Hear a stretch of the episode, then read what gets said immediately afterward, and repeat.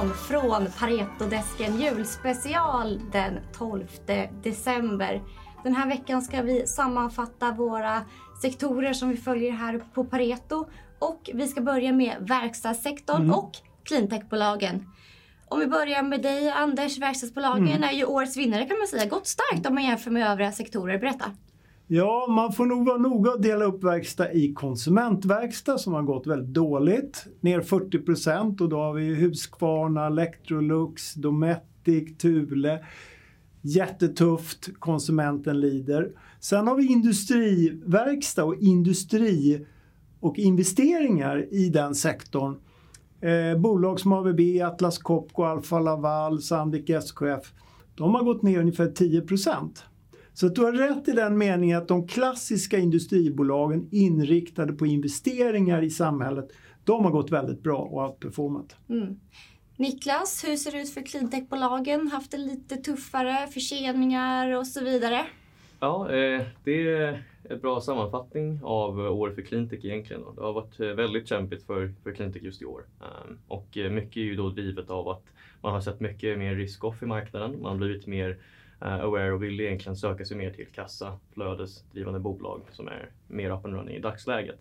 Eh, men eh, där finns det ändå liksom, även fast allmänt mycket i sektorn som Minesto, Hexicon, Azelio, Renewcell har haft mycket kämpigt och behöver dra in egentligen mer pengar vilket skrämmer och såklart investerar lite grann med utspädning och får folk att kanske skifta sin, sina investeringar mot ett annat håll så har vi ändå en upperformer i sektorn som till exempel Orren då.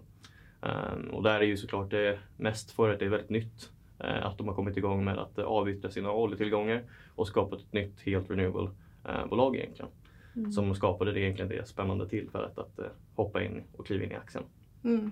Anders, vi har ju under året gillat bland annat Munters, ABB, SKF, de här lite mer mindre, eller Munters är mindre bolag, men de andra mm. lite mer lägre värderade bolagen. Hur har det utspelat sig? Ja, man kan säga att det där value och growth finns ju även i eh, verkstad. Det har ju varit en del högt värderade bolag som Atlas Copco som först har kommit ner mycket.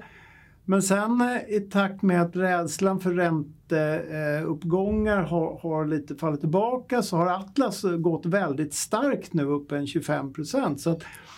ja, från botten här i höstas. Så att faktiskt är att jag har tagit ner den till behåll nu. Eh, och eh, det är lite så att kvalitetsverkstad har kommit tillbaka. Men överlag så har de lågt värderade bolagen gått stått sig ganska väl faktiskt under året. Och det är bolag som, som SKF, Sandvik, Volvo. Mm. De har inte heller fallit mer än 10-15 procent. Så att, eh, ja, mm. de har hyfsat stabilt. Om vi tittar in mot 2023 eh, då, tror du att verkstadsbolagen kommer fortsätta att gå starkt eller kommer vi se en avmattning i den sektorn?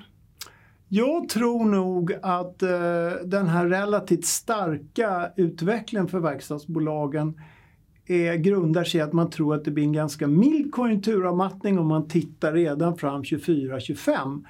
Jag kan nog tycka att från att köpa hela sektorn så börjar jag dra ner lite grann nu till behåll för att jag tycker att vi kommer trots allt ha någon form av konjunkturavmattning även om de här bolagen som är inriktade på energiomställning, elektrifiering, industriautomation kommer gå bättre efterfrågemässigt. Där finns det oerhört mycket investeringar som sker nu. Mm. Så tycker jag ändå att det har gått lite för snabbt i verkstad så att jag är lite mer åt behåll hållet just nu. Mm, vad säger du Niklas om cleantechbolagen? Blir det revansch nästa år?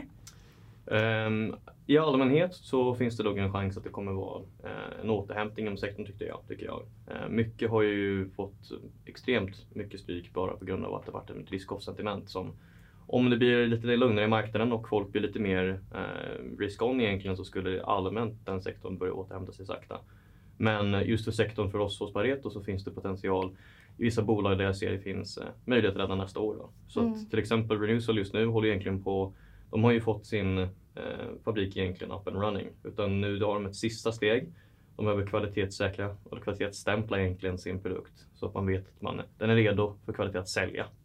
Um, så det kan ske väldigt, väldigt närtid, vilket mm. är en spännande trigger. För då kan man egentligen börja komma igång med sales som är många som väntat på och blivit lite frustrerade för att det fortsatt blivit försenat. Uh, sen kollar man också kanske till exempel på uh, Hexicon Där det i vår syn har de ju tagit upp en eh, högre stake i sitt huvudprojekt Munmobaram i Sydkorea. Då. De köpte upp eh, en 20% i direkt stake från att ha haft en 10% i indirekt stake egentligen. Mm. Um, och det finns potential där att man lyckas säkra en grid connection, el till projektet. Um, och med det utöka värdet. Och sen så tycker vi då att de egentligen kommer sälja av hälften av det efter att har skapat det värdet. Mm. Också för att bibehålla det där kostnader. Så en sån trigger skulle vara möjligt nästa år uh, och det skulle vara lite spännande till exempel just för Hexicon för att visa lite högre intäkter. Uh, och sen ska man också kolla till exempel på Minesto som ändå finns potential att det kanske kommer något form av partnerskap inom snar framtid på Färöarna. Där de håller på att börja nu skala upp sin plan för att nå lite mer installerad kapacitet på deras mm. undervattensdrake. Mm, spännande, men då förutsätter det att marknaden är lite mer riskvillig och det får vi se om det sker. finns fortfarande en hel del orolighet i marknaden, mm. vikande konjunktur och konjunkturavmattning bland annat. Men jag har några bolag jag skulle vilja locka, eh, plocka ja, fram. Nu när jag sagt eh, behåll sådär i, i största allmänhet så är det några bolag som jag fortsätter tror kan överraska av företagsspecifika skäl och det är ABB eh, som har en fantastisk marginalförbättringspotential och den tror jag fortsätter in i nästa år och kommer överraska marknaden. Och sen gillar jag ju Munters eh, som ju går från klarhet till klarhet och hade en fantastisk kapitalmarknadsdag igår där de höjdes, hö, höjde sina tillväxtmål från 5 till 10 procent och också sitt marginalmål att man nu ska ligga över 14 procent i framtiden. Så att det, det är två bolag som jag gärna lyfter fram och sen har vi våra lågt värderade kandidater som ändå relativt sett bör klara sig hyfsat och det är Volvo och Sandvik. Mm. Ja, då tackar jag så jättemycket för det. Mm. Och tack så mycket för att ni har lyssnat denna måndag. Vi är tillbaka igen imorgon. God fortsättning. Eller det säger man kanske inte än. Tack så mycket. Tack. Tack.